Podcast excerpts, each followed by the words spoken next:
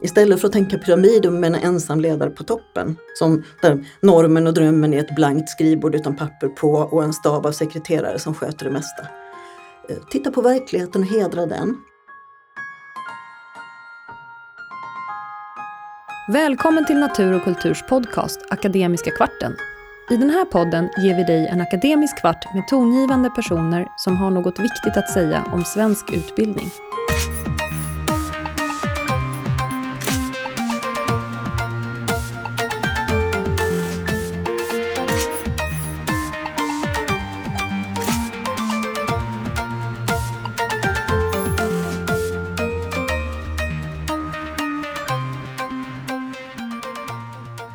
Jag heter Niklas Wårdfeldt Livi och är utgivningschef för pedagogisk litteratur på Natur och kultur.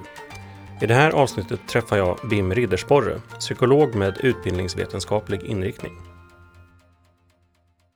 Idag sitter vi i ett vinterskrudat Stockholm eh, på Natur och kultur och vi ska träffa Bim Riddersporre, lektor i psykologi med utbildningsvetenskaplig inriktning. Bim, skulle du kunna berätta lite grann om eh, vem du är och hur du hamnade i den här situationen eller positionen som du har? Nu. Ja, det är en lång väg alltså. Eh, eftersom jag har större delen av mitt yrkesliv faktiskt bakom mig så har det varit en lång väg hit. Eh, jag började allra först som logoped ett antal år och sen avslutade jag min pågående psykologutbildning så jag fick legitimation och sen har jag varit barnpsykolog i väldigt många år inom barn och ungdomspsykiatrin framförallt jobbat med de yngre barnen och allra mest de yngre barnen och deras föräldrar tillsammans. Så det är liksom mitt utgångsläge. Och sen för, ja vad kan det vara? Slutet på 90-talet så bestämde jag mig för att gå forskarutbildning i psykologi för jag tyckte jag behövde lära mig lite mer metoder om hur man tog reda på nytt. Eh, och efter det så har jag arbetat på Malmö högskola som snart då är Malmö universitet. Just det, och hur går den övergången? Förhoppningsvis alldeles utmärkt men det är klart att just nu är det några turbulenta månader när allting ska ändras. Och det är inte bara skyltarna som ska vara nya utan det är ganska mycket som blir lite annorlunda när man är universitet. Man får lite, betydligt mer pengar att forska för till exempel. Och då måste väldigt många personer frigöras för att kunna vara dessa forskare. Mm. Så att hela havet stormar just nu men det blir bra. Mm. Och då, kan, då kommer vi in på någonting som du har skrivit om nu på sistone. Du har skrivit väldigt många böcker. Eh, men du gav ut Upplyftande ledarskap i skola och förskola. Du var redaktör tillsammans med Magnus Erlandsson mm. nyligen och snart så kommer du och eh, Magnus, ni, ni är båda redaktörer igen till en titel som heter Pedagogiskt ledarskap i förskolan. Och den skriver vi faktiskt helt själva. Ja, så är det. Till och med. Ja, och eh, ledarskap helt enkelt. Ja. Eh, och du berättade för mig att det är också någonting som du kommer att ägna dig ännu mer åt nu när ni blir universitet. Ehm, hur kommer det sig att du är så ehm, eh, intresserad och verksam kring just den här frågan? Ja, det är faktiskt en rätt bra fråga. Jag tror att det har någonting med att göra att jag har ganska många års erfarenhet eh, som chef i olika verksamheter inom sjukvården i sju, åtta år. För ganska många år sedan med det här laget. Eh, sen har jag varit prefekt för en institution och nu de senaste tio åren har varit det som kallas för prodekan för en fakultet och den fakulteten i Malmö där vi utbildar lärare och idrottsvetare. Och det gör ju att ledarskap liksom har funnits med som en praktik och funnits som en yrkesmässig omgivning. Jag har också jobbat som utbildningsledare på rektorsutbildningen en gång i tiden. Håller nu tillsammans med Magnus på att utbilda förskolechefer på Skolverkets uppdrag och så vidare. Så att det, det finns som en väldigt viktig aspekt tycker jag. Eh, vad som någon person uttryckte så bra för mig när jag funderade på om jag skulle ta det här jobbet som rektorsutbildare. När jag var nydisputerad så sa han, men tänk vilken hävstångseffekt det får allt det du gör om du jobbar med rektorer. Och det tycker jag, det har nog fått mig att hålla fast vid det här med ledarskap. Mm. Um, man, eh, när man tittar på den senaste Talis-undersökningen så såg man att bland de verksamma lärarna så upplevde de ofta i Sverige att det, att det var otydligt just det med pedagogiska ledarskapet och kontakten med rektor var någonting som dök upp i, i den mätningen. Eh, och du eh, propagerar ju för ett, ett, typ av ledarskap som eh, där du använder hjulet som metafor. Skulle du kunna förklara varför den modellen är så fruktbar enligt dig och eh, varför den är bättre än en mera pyramidal organisation till exempel?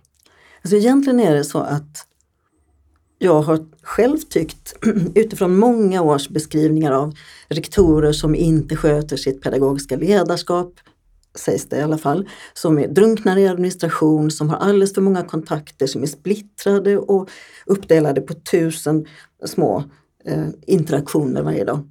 Så har man lagt skolledare det till last lite grann och då har jag ibland tänkt att skulle det finnas något sätt att beskriva det som alla fantastiska skolledare gör, för jag har träffat väldigt många som är väldigt bra. Eh, men som ändå dras med i det här kritik eh, stormen som det nästan är mot skolledare. Eh, skulle det finnas ett sätt att beskriva det de faktiskt gör så att det är mera rättvisande, mera möjlighetsrikt och kanske någonting att bygga vidare på.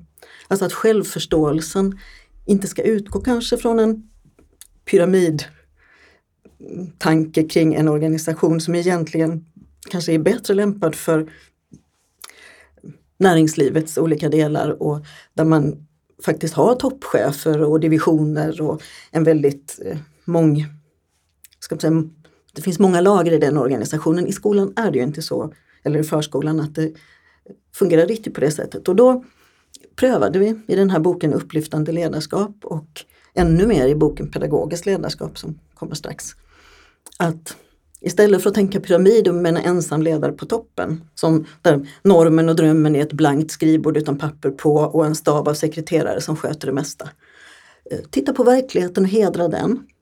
Genom att förstå ledarskapet i skola och förskola som mer som navet i ett hjul.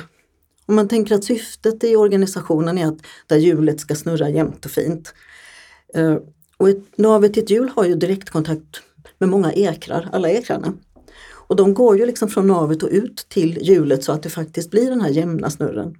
Och tittar man på hur många, både forskare och skolledare själva har beskrivit sin vardag, så är det ju just detta myller av både stora och små interaktioner, ofta i blandning. Man går direkt från ett telefonsamtal med en bekymrad förälder till ett möte med Skolinspektionen som vill att man ska förbättra sin verksamhet till att planera nästa års kvalitetsarbete. Alltså det, för att orka med det måste man ha vissa styrkor som inte synliggörs i den här pyramidmetaforen tycker jag. Kommunikativa styrkor, att orka interagera med många olika personer, organisationer och konstellationer på ett sätt som fungerar. Alltså det är en, det är en yrkestalang och den måste begreppsliggöras. Mm. För att kunna utvecklas men också för att få uppskattning. Mm. Um, så det är väl bakgrunden till det. Och det har tagits väldigt väl emot av många som jag pratat med för det har just gett den här känslan att ja, här kan jag se mig själv. Just det, för jag tänker att det jag tycker väldigt mycket om med dina, ditt sätt att resonera och skriva är just det att det ger ju en slags självuppfattning, en hjälp till att uppfatta sig själv. Mm. Eh, och ett annat begrepp som du använder som jag tycker är väldigt befriande, det är när du pratar om det postheroiska eh, ledarskapet. Det låter ju mycket mer humant eh, och görligt än ett heroiskt ledarskap. Skulle du kunna beskriva de här två det här motsatsparet? Eller? Ja, alltså det heroiska ledarskapet det är ju den där ensamme hjälten som sitter på toppen och klarar att ta svåra beslut och vänder förlust till vinst och allt det här som vi har i hjältehistorierna. Men det postheroiska det myntades av en forskare som heter James P. Eicher som tyckte att dagens organisationer som inte alls nödvändigtvis ser ut som gårdagens, de låter sig inte beskriva så här utan de är medan han postheroiska, vi har passerat det här heroiska stadiet lite grann och behöver bygga just mycket mer på kommunikation, förhandling, samförstånd, interaktion. Inte så mycket den ensamme mannen som det ofta var som tar svåra beslut och står där i snålblåsten utan vi pratar ihop oss, vi förhandlar, vi förklarar. Vi försöker hitta en gemensam förståelse av någonting och därifrån jobbar vi tillsammans vidare. Ett helt annat, mycket mer nätverkande sätt att fungera. Mm. Eh, och då eh, tycker jag då finns det en naturlig övergång här också till att prata om eh, en väldigt betydelsefull forskare de sista, det sista decenniet i svensk skola, Carol Dweck eh, och hennes mindset-forskning. Eh, när, jag, eh, när vi gav ut den boken eh, så var, blev jag själv väldigt tagen av den eh, och eh, började anamma det sättet att eh, ge mm. feedback till mina barn hemma och märkte så, en sån enorm skillnad. Jag tyckte det är en av de häftigaste upplevelserna som jag har varit med om när det gäller mm. akademisk kunskap. Mm.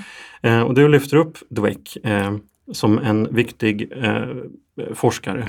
Mm. Skulle du dels kunna bara kortfattat förklara lite grann för de som inte eventuellt känner till eh, mindset-begreppet, eh, vad det är för någonting och sen hur du ser att eh, det är centralt för oss att eh, både tänka på och använda oss av. Mm. Alltså ordet mindset handlar ju egentligen om en uppsättning tankefigurer eller en tankefigur. Man har en uppsättning tankar och föreställningar om i det här fallet eh, människans lärande, utveckling och möjlighet att erövra det man inte redan kan eller vet. Um, och, man, och då så pratar ju Carol Dweck om att det finns två väldigt tydligt åtskilda sätt att tänka. Så finns det mycket blandningar också men det pedagogiskt mest verksamma är att prata om ytterligheterna. Och den ena ytterligheten kallar hon för statiskt mindset och där är man ganska deterministisk. Människor är begåvade eller är inte så bra på musik eller har ingen talang för konstnärlig verksamhet eller vad det nu kan vara för någonting. Där tänker man mycket på hur en människa är och så förväntar man sig att så ska det också vara i framtiden. Ehm, medan ett dynamiskt mindset eh, tar mycket mer fasta på vad en människa gör. Och där är saker som motivation, egen ansträngning, uthållighet, ehm, nyckelbegrepp. Men också uppmuntran från viktiga personer i omgivningen, lärare, föräldrar, andra viktiga, just på det man gör. Låt oss säga att ett barn ritar en, en teckning. Eh, och läraren tycker att det här är ett konstnärligt begåvat barn. Och läraren säger, åh du är jätteduktig på att rita. Det är ganska statiskt. Det ger inte så mycket rörelse. Men en lärare med ett mer dynamiskt mindset säger, du jag har sett att du har jobbat med den här teckningen så länge.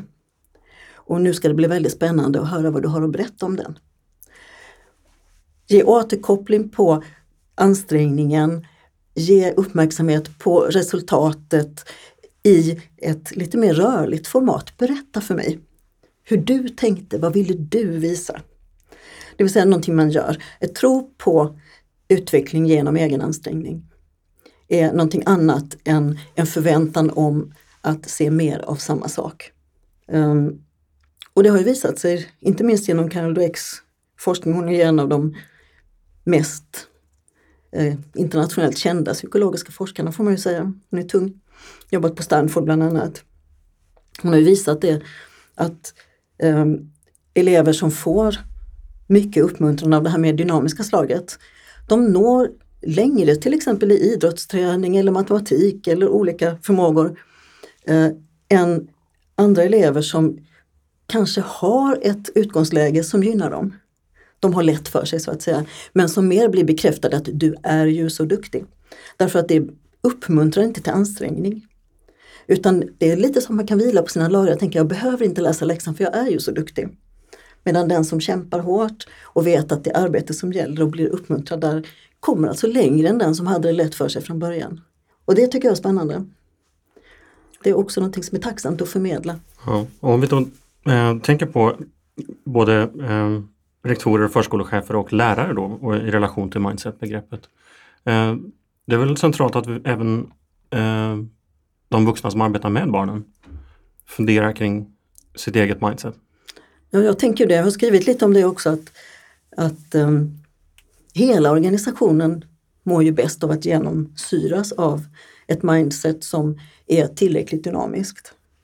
Um, det som är så uppmuntrande med Carol Dwecks forskning är att hon visar att man kan också viljemässigt styra sitt eget mindset. Om man kanske når insikten om att jag är inte tillräckligt full av tillförsikt när det gäller varken mitt eget eller andras lärande så kan man genom att dels ta del av hennes forskning bland annat men också genom att bestämma sig för att det här är ju inte rätt. Eh, förskjuta Eh, och det tycker jag gör att det blir meningsfullt att arbeta med det. Det är inte deterministiskt där heller så att säga.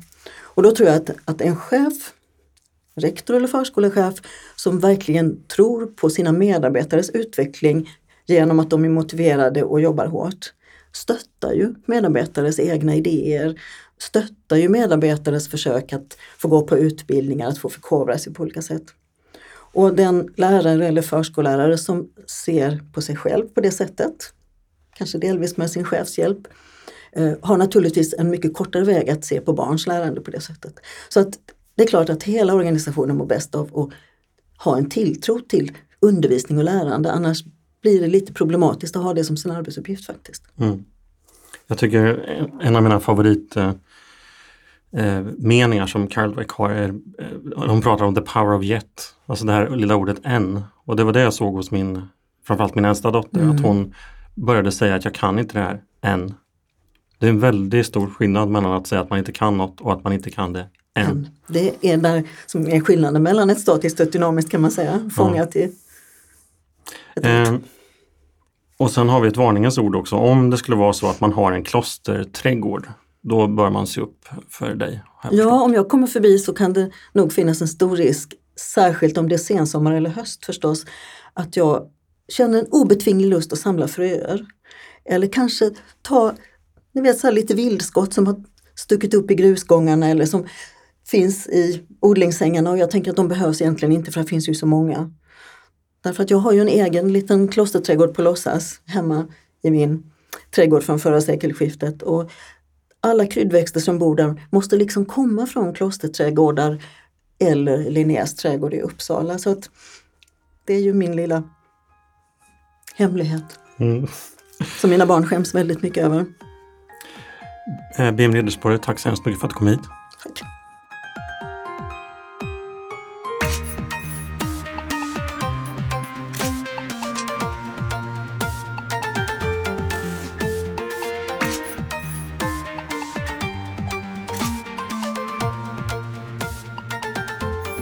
Förlaget Natur och kultur är en stiftelse som utan ägare kan agera självständigt och långsiktigt. Vårt mål är att genom stöd, inspiration, utbildning och bildning verka för tolerans, humanism och demokrati.